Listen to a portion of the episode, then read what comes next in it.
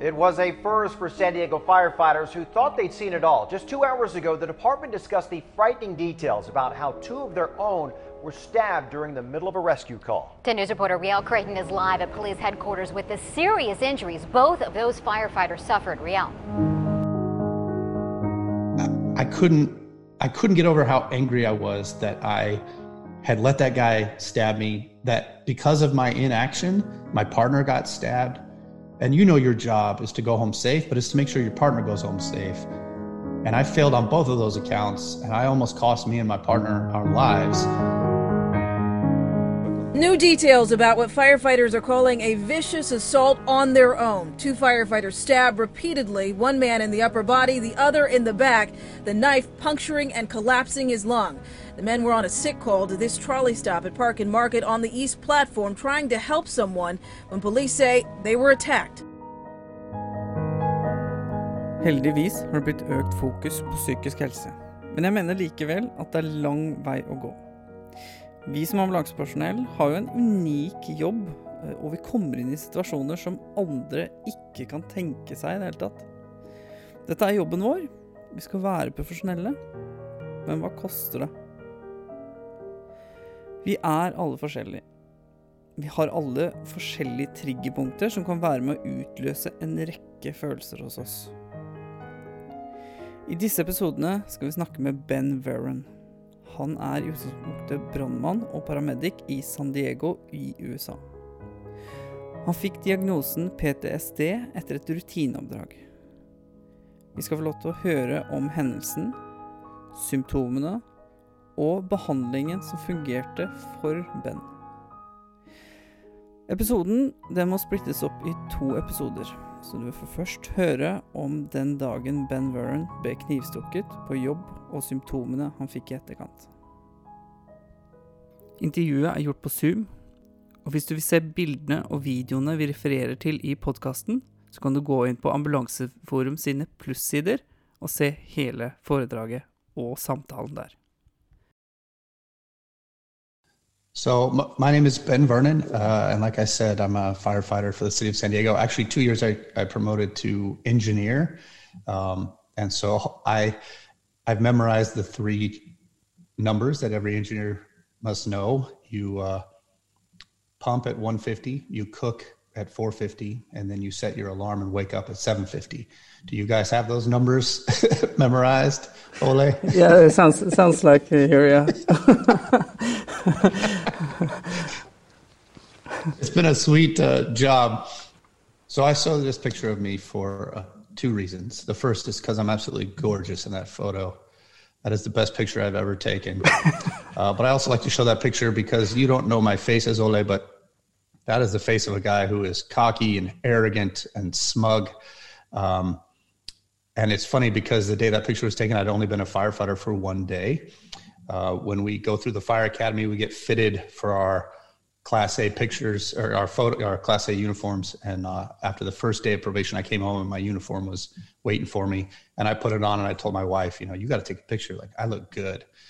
Um, and I laughed because I look at this picture and that is the face of a guy that just doesn't understand anything about mental health. And I, I'm embarrassed to say that if you had come to me and said you were struggling mentally, I would have been the guy that said, "Hey, man, suck it up, Buttercup." Right? That's what we signed up for. Uh, or if you're having trouble mentally, maybe this job isn't for you. Maybe you know you should go do something else. And I'm just uh, so disappointed because that is not the, the right attitude to have. So I'm I'm really disappointed in myself. You know what, Ben? Hmm. I have the same picture myself of me ten years ago. just being cocky and arrogant. Yeah. Um, I show this picture because I, when I got on the job, I wanted to be the best firefighter that the city of San Diego had ever seen, and so I tried to get into all of the special ops teams. Um, so the first team I ever joined, pretty soon off probation, was hazmat. Uh, that's me in the red hazmat suit, um, and and I, you know, the first week of hazmat school, they taught us how to make meth, and so I always joke that if firefighting doesn't work out, I can I can Breaking Bad. Like I know how to make the really good blue stuff. Um, but that just got me so excited to be in special ops, and that got me on our USAR team, Urban Search and Rescue.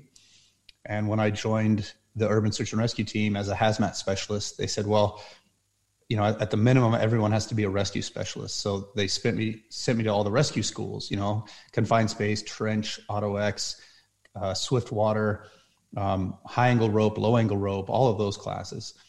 And so I went through all of those to become a rescue specialist. And then uh, my the city of San Diego has a heavy rescue team that's also uh, a special ops team. And so I had all the qualifications to be on heavy rescue. And so you can see from the photos that's me rappelling off the gondolas uh, at SeaWorld and at the zoo. We practice rescuing people stuck in gondolas.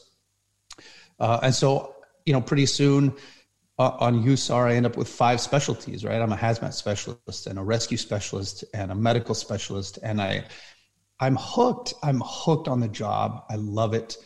Uh, and my career is going exactly the way I want it to. Uh, I'm on three different special ops teams. I have five specialties uh, and I am all in. You know, I all of my days off, all I'm doing is focusing on training and trying to be the best firefighter that I can be.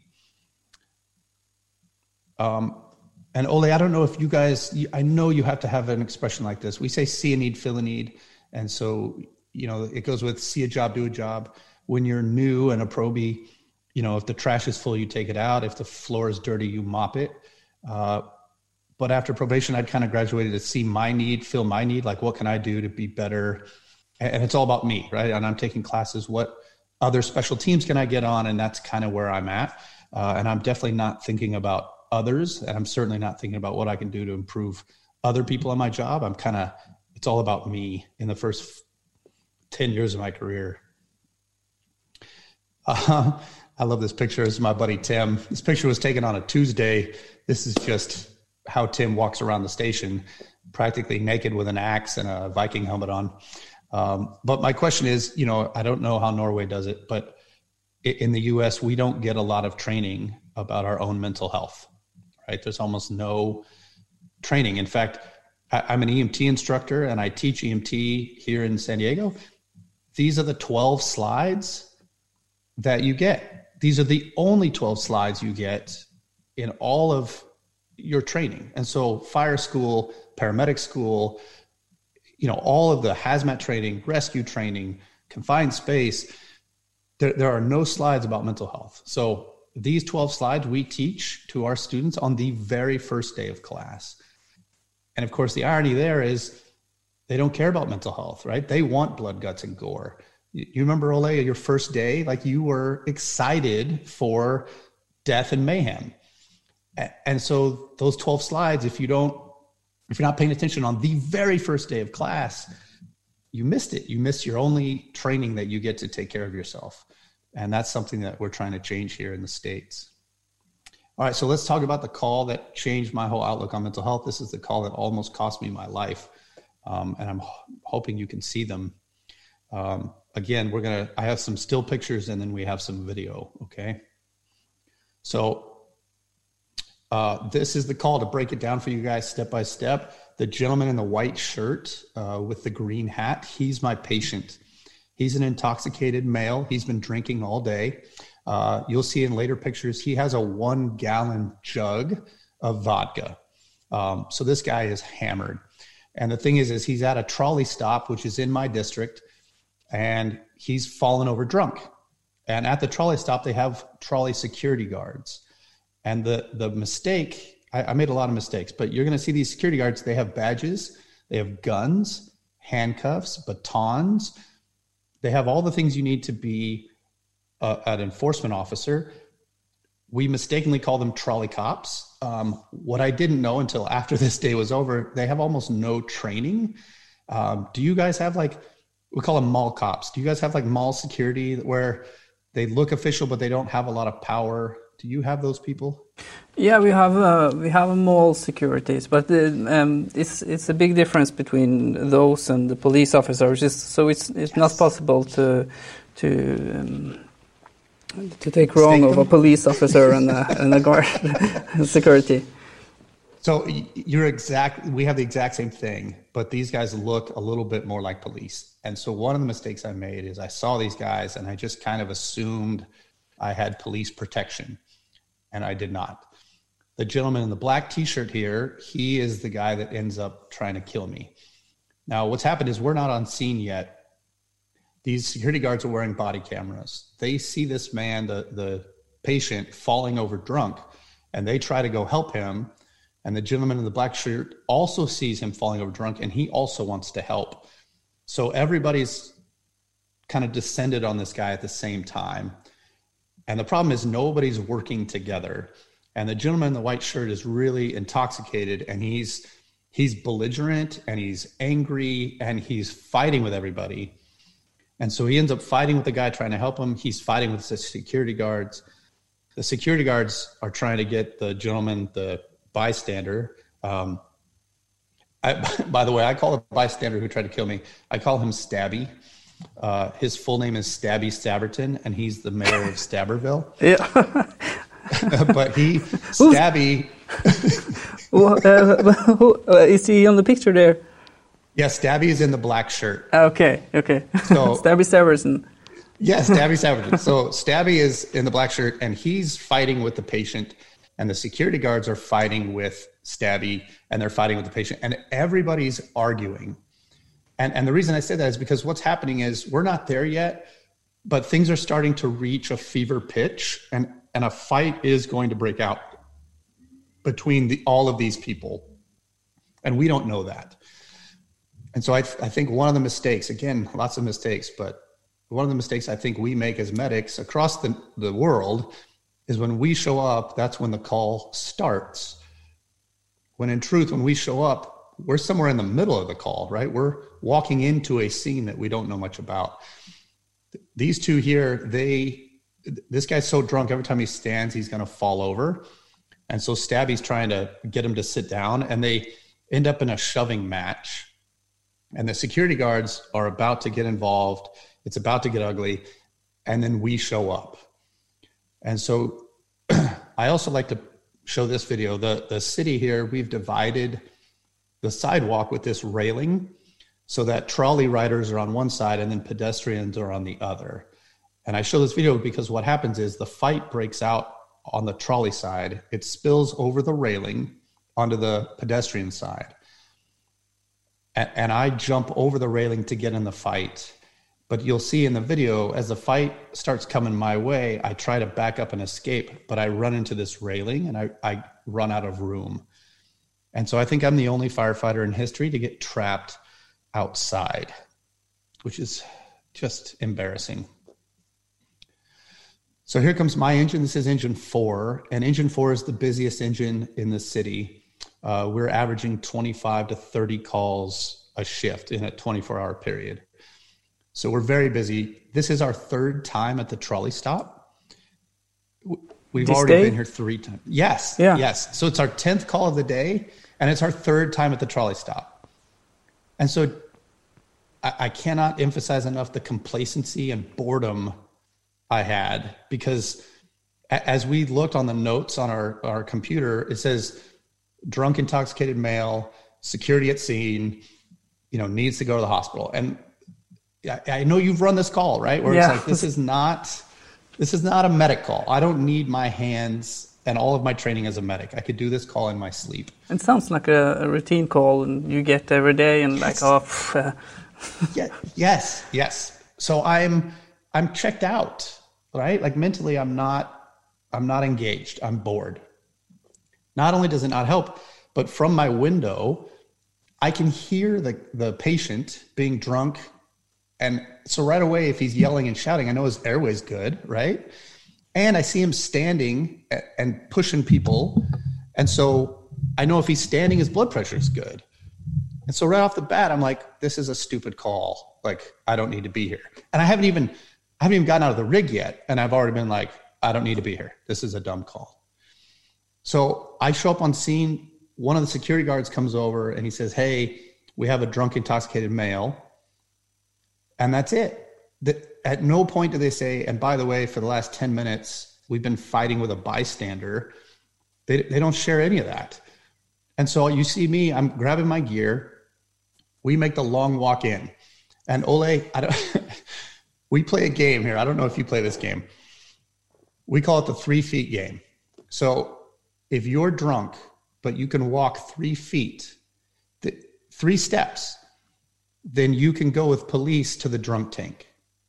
And so what we do is we call PD, we stand the guy up, everybody backs up, and we go, walk to me, right? And the guy will take one step, and you see the fire department going, yes. And you see PD going, don't you do it, don't you do it. And then he takes two steps. We're like, yes. And you can see PD behind us, and they're going, and they're trying to blow him over, right? Because if he's too drunk, then he's got to go with us to the hospital. But if he makes that third step, then he can go with PD. So again, to just emphasize complacency, as we're walking right here, my captain goes, "Hey, are we going to play the three feet game?" And I go, "Cap, this guy's definitely going to the drunk tank. He's going with PD. I got this." Right. So we're already, I, I've already knocked this call down to this guy's not going to even be transported by an ambulance. He's going to go to the drunk tank. PD is not on scene, but my captain calls for PD and says, Hey, can you send someone? This is not an emergency, but send them when they're available because we got somebody that's going to go to the drunk tank. And so again, we're all checked out.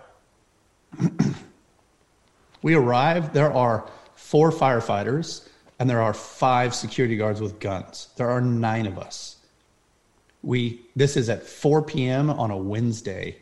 It I'm outside. Like there there's no danger. I'm not worried at all. My partner jumps in, he starts doing the assessment. And look at me. You can see my face. I'm getting a turnover from Stabby. And Stabby tells me a bunch of information I don't need to know. He's boring me with details that are unnecessary. You know you've you've done this, right? You're talking to somebody and they're telling you everything and you're like, I don't need all this information, but okay. Yeah. And so I kind of placate him and I go, Hey man, thank you. We'll take it from here.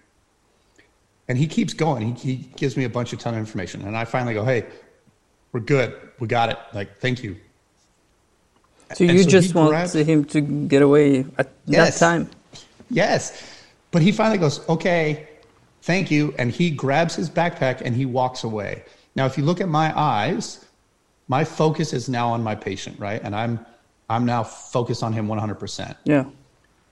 What I don't know, if you look over my right shoulder, Stabby didn't go very far. He walked around and he stayed in the scene. Now, he was still very irritated because of the way he was treated, because of the security guards. So he was was still kind of talking and being angry and sharing his frustrations with the security guards. And eventually, what happens is he starts going after my captain. Now, you can see the picture of my captain. He's not very tall, but he is as wide as he is thick. He's a human refrigerator. He is a massive individual, and he played professional football. He's a big man. Yeah.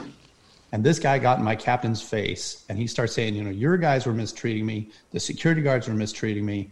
Uh, you know, I've had enough. And my captain says, hey, man, I need you to back up. And he puts his hand on his chest and he says, back up. And the guy trips over one of these benches you see there. And that's it. Ole, it's on, hmm. right? Now, keep in mind, we've only been on scene for about 90 seconds.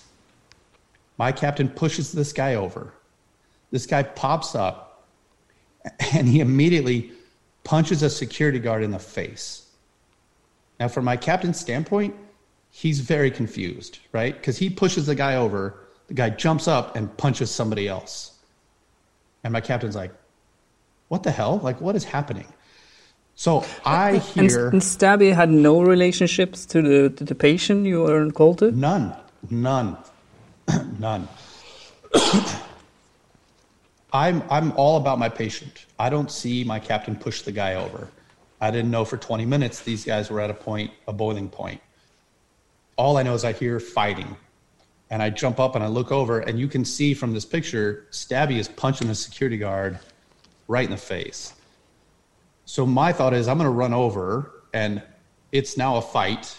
And I'm thinking we're gonna bring this guy down to the ground, handcuff him, and then when PD shows up, they're going to take one guy to the drunk tank and one guy to jail. That's kind of my my plan in the three seconds that I run over to engage is like that's what's going to happen. Hmm. But before I can get there, and you'd love this, they hockey check him over that railing.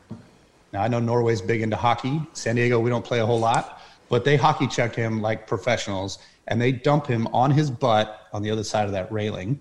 It knocks the wind out of him. And I think, cool, fight's over, right? Like, we're done.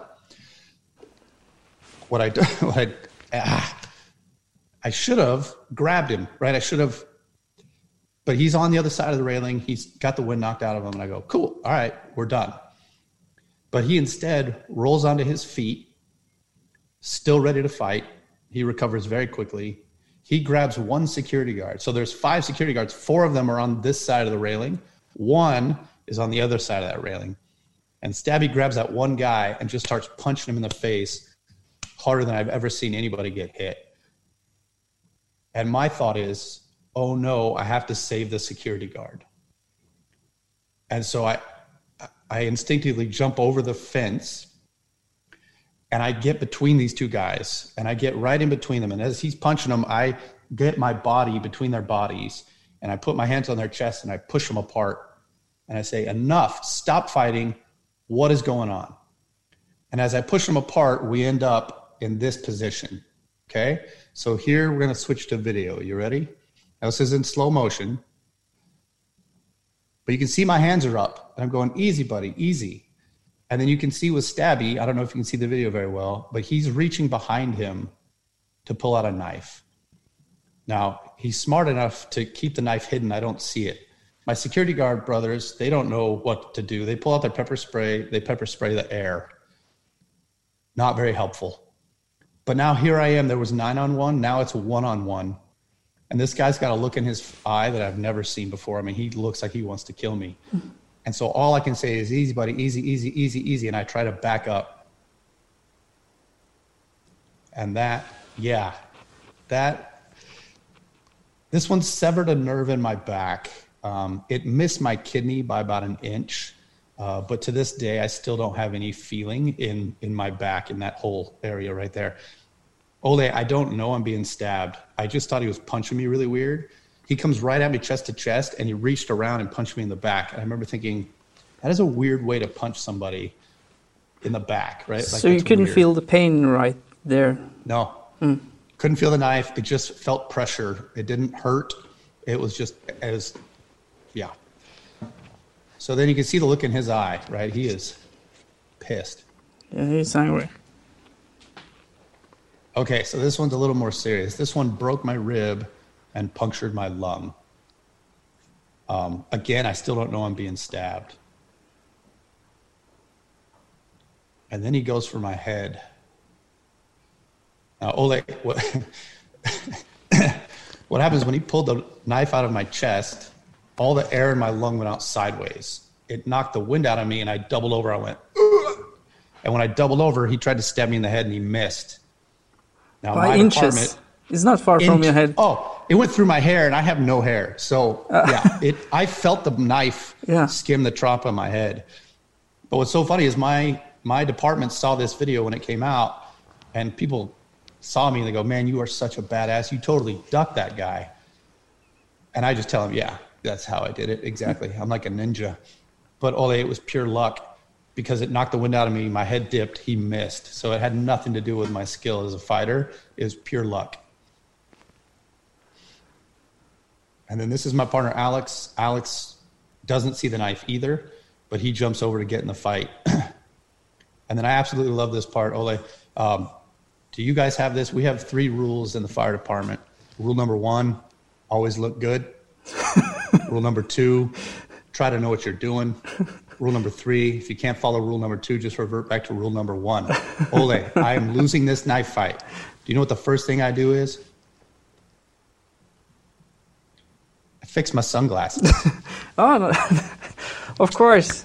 You just got uh, stabbed by two, and then you fix your sunglasses. yeah, so I got I got very lucky. Now my partner, um, I'll play the rest of this video because what I'm going to do is I'm going to show you the real fight in real speed, and I want you to see how fast it is. But my partner at this point, he runs over and he tackles the guy, and he lands on top of him Ole, in, in our line of work, you got two options you talk or you tackle, right? So I talked and that didn't work, and my partner tackled. He landed on top of the guy. The guy still had the knife, so he just started stabbing my partner in the back. And so he got my partner three times in about one second. So here's where, and also, Ole, I to this day, I don't know what happened to the patient laying on the ground. He's Who is that? he suddenly That's the came. patient. That's the patient. Okay, and and no one's by him. Oh, of No, course, when the because fight been started, he- stabbed two times. yeah, and- he just he just laid down and played dead. It was Yeah. pretty funny. But he's right, he's so- drunk, right? so he sees the opportunity to just stay down and uh, Exactly. He just decides to take a nap. yeah. So um, here's the fight in real speed. Okay, and I'm on QuickTime. I'm recording sound. I hope you get the sound on the recording. So here we go.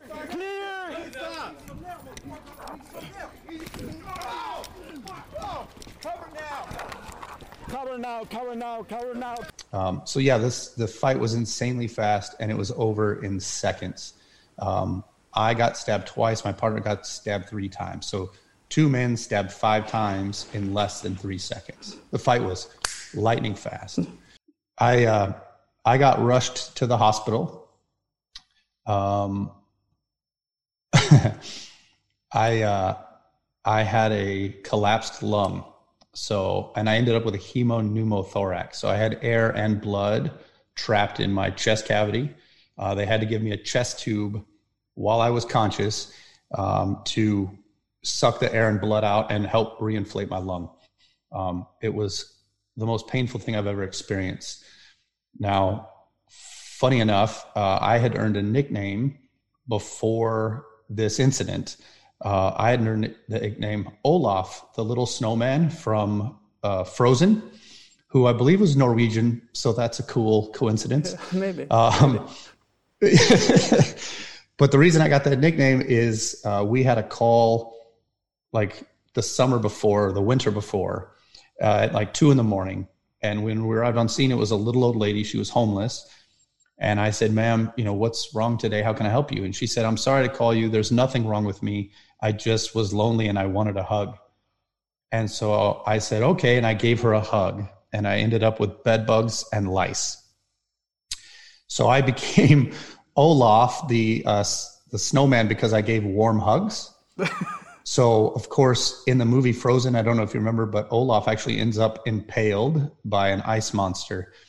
Well, when I came back to work, the Olaf doll was waiting for me with a knife stuck in it. Everywhere I went, there were Olafs with knives in them. Um, and then I have a picture of this Ole because no one would believe me if I told them. Uh, at some point, all the medication kicked in, and I was very uh, high. I was kind of out of it. And my my crew got to my bedside and they said, "Ben, is there anything we can get you?" And for some reason, I said, "I need Oreos before I passed out." Well, when I woke up, I was covered in Oreo cookies. Um, and I didn't know why. I, it was a very confusing moment, but it's pretty funny. I, uh, I ended up covered in Oreo cookies. Um, I can tell you, I spent three days in the hospital when they realized that my lung was holding air on its own. They pulled the tube. They sent me home, uh, and they said, "Look, your stitches will come out in about two weeks, and then, as far as we're concerned, you you know you're you'll be ready to go back to work." And I said, "Great! Like this is I'm excited about that. Like I want to go back to work." Um, they sent me home with opiates and every kind of opiate: Percocet, fentanyl, oxycodone, heroin. It was great. Like, and anytime there was pain for the first 10 days, I would take an oxy or a Percocet and I would sleep. Um, and it was fine. After about 10 days, though, I started getting side effects of opiates, you know, constipation, pain. And, and you and I both know how addictive opiates are. And I didn't want to get hooked on opiates. So I I quit, right? I quit cold turkey and I thought, all right, if the pain gets too much, I'll take an Advil, but I, I don't want to get hooked on these things and I need to I need to get ready to go back to work. What I didn't know is the opiates were helping suppress my subconscious and it was allowing me to sleep. And Ole, that first night without opiates, uh, I I had a nightmare, and I can't even. T- I, it's hard to describe how intense these were. Ole, I could. I was back at the trolley stop. I was back up against the railing. My hands were up, and I was fighting Stabby. But I could see him as clearly as I can see you. I could smell urine on the street. I, I could I could feel the trolley would go by behind me in my dream, and the wind from the trolley would rock me. It was that level of detail. I could feel sweat running down my face. I could feel the heat from the sun on my back. And I was back fighting Stabby. Now, in my dream, he came at me and he stabbed me in the kidney again. But this time I captured his hand and I grabbed him by his ear and I tripped him and I threw him down on the ground and I, I jumped on top of him, on top of his chest. And I grabbed both of his ears with my hands and I slammed his head into the pavement. And I didn't want to kill him. I just wanted to stun him. I just wanted to take the fight out of him. And it worked. I hit his head on the concrete and his hands kind of went limp and he let go of the knife in my back. The knife's still there and I could feel it. But now I've got control of him. And so I didn't want to kill him right away. I wanted to cause him a lot of pain. And I decided the best way to do that was to bite off his face. And so I leaned down and I sunk my teeth into the orbit of his eye and I bit so hard that my bottom teeth were caught on the underside of his skull. And I bit, and when I captured his skull, I remember in my dream thinking, oh, I'm not strong enough to bite through skull. And so I consciously backed up my teeth just a little bit so I could get just his eyebrow. And when I bit into his eyebrow, I could feel his eyebrow on my tongue. And it tickled my tongue. And I bit through his face, and blood squirted in my mouth, and I could taste the blood. And I held onto his ears, and I just tore off a section of his eyebrow. And he screamed. And then I decided to take my thumbs and shove them into his eye sockets. And I just shoved them into his skull as far as I could, and his eyeballs ruptured and pooled in my hands. And now he screamed bloody murder, and I'm screaming bloody murder, and I'm screaming, and I wake up. I sit straight up in bed, and I'm just like, Arr! I'm just yelling at the top of my lungs. And Ole, I am soaked in sweat, and my heart rate is about 150, and I can feel my blood pressure in my ears, and I am awake. I can taste blood in my mouth right? And I can feel like I just murdered somebody. And I turn around and my bed is soaked in sweat. And my wife is awake, but she's pretending to be asleep and she's just curled into a ball, like terrified of me. And I remember that first night, I went downstairs and I got a cup of water and I sat in the dark and I just tried to bring my heart rate down. I just tried to just try to recover and slow my my metabolism, right? And I remember thinking that first night, this makes sense, right? I'm in this gnarly event. Of course, of course, I'm gonna have a nightmare. But I'm awake for the rest of the day, and I watch the sun come up, and I watch the sun go down, and I'm I'm awake, and I'm really tired. But I remember thinking, okay, once we're good, that makes sense. But the second night, Ole, the exact same nightmare. I gouge his eyes out, I bite his face off, I wake up screaming. And then the third night, I gouge his eyes out, I bite his face off, I wake up screaming. Fourth night. So you you you got uh, or you you the the first time was the first night of opiates yes. when you were off opiates. Because I think the opiates were keeping my subconscious just in check, you know, suppressed. And without drugs and my brain's operating on all cylinders, I, I'm just, I am just angry angry, beyond angry, furious, pissed, livid, whatever the word is. I I couldn't I couldn't get over how angry I was that I had let that guy stab me, that because of my inaction, my partner got stabbed. And you know your job is to go home safe, but it's to make sure your partner goes home safe. And I failed on both of those accounts, and I almost cost me and my partner our lives. And I was pissed. And so uh, these these nightmares. I just was so angry, and every night for weeks, I, I can't sleep at all. And, and then I can't even go to sleep after like two or three weeks of nightmares. I can't go to sleep because I know I'm going to have a nightmare and I'm going to wake up in a cold sweat. And so now I can't even bring myself to relax enough to fall asleep. And Ole, that that I can't tell you how quickly I unraveled, right? And after three or four weeks of no sleep, I remember I'm sitting in the dark by myself at like three in the morning. And for the first time in my life, I understood suicide. And I remember thinking, man, if I don't figure this out, I own a gun and, and then I'm guaranteed to sleep. Um, and I've never, ever understood suicide. I've never understood what that was like. And so here I am in just five weeks ready for that. Like I couldn't believe how quickly that happened. And I was so blown away and disappointed because I consider myself mentally tough, like I'm sure you do. Most medics are EMTs, firefighters, police, like we're tough. And so here I am, five weeks, I've completely unraveled, and I'm thinking suicide makes sense. Now the but but when did you understand that uh, something is something something is wrong? I have, I have to do something, and uh, yeah.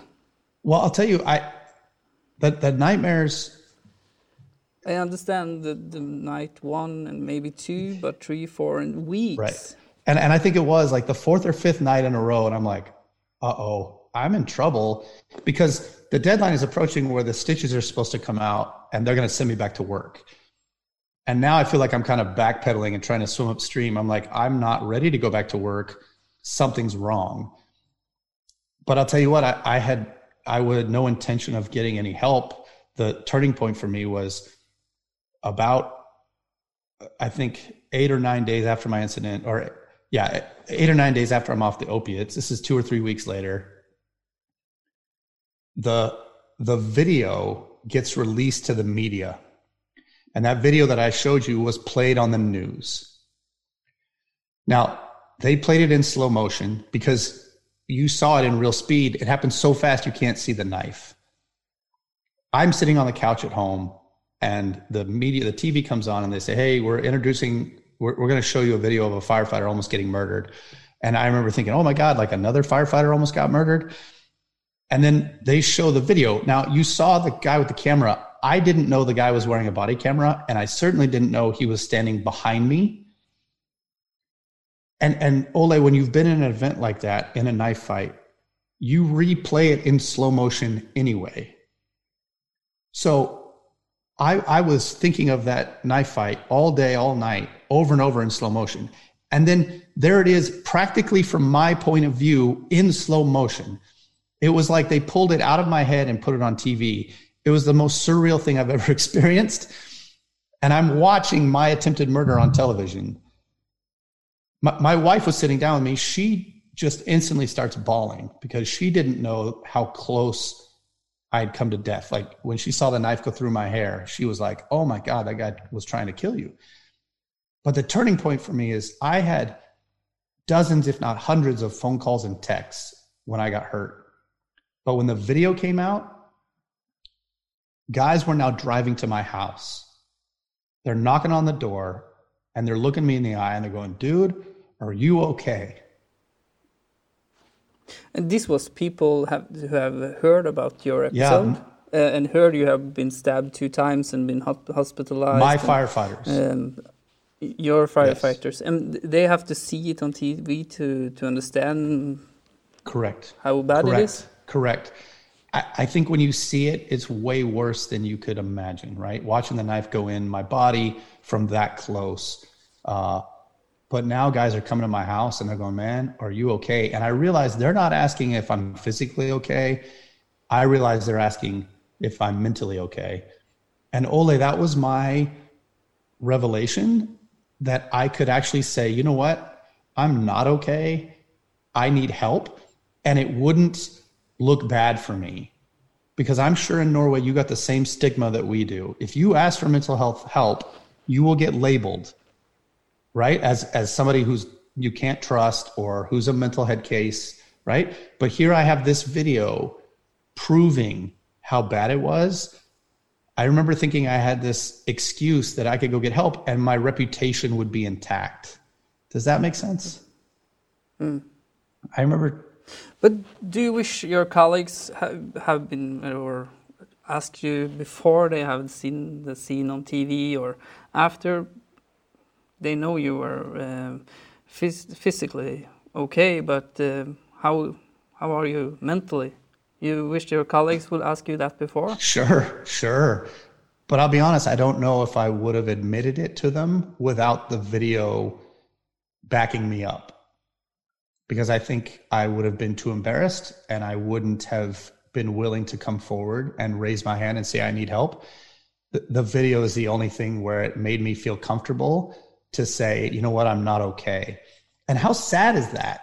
How sad is that? I have to have video proof of a mental injury before I would admit that I had a problem. And so I, I, you know, that's a that's still something we're tackling is the stigma behind mental health help. Because how many people are lucky enough to have a video showing their trauma? Right? Nobody. Nobody has that. Nobody. So I have this I, I have this get out of jail free card. I can show the video and now no one will make fun of me. And and so that was the first time I, I this is three or four weeks after my event. I remember thinking, you know what, I need professional help.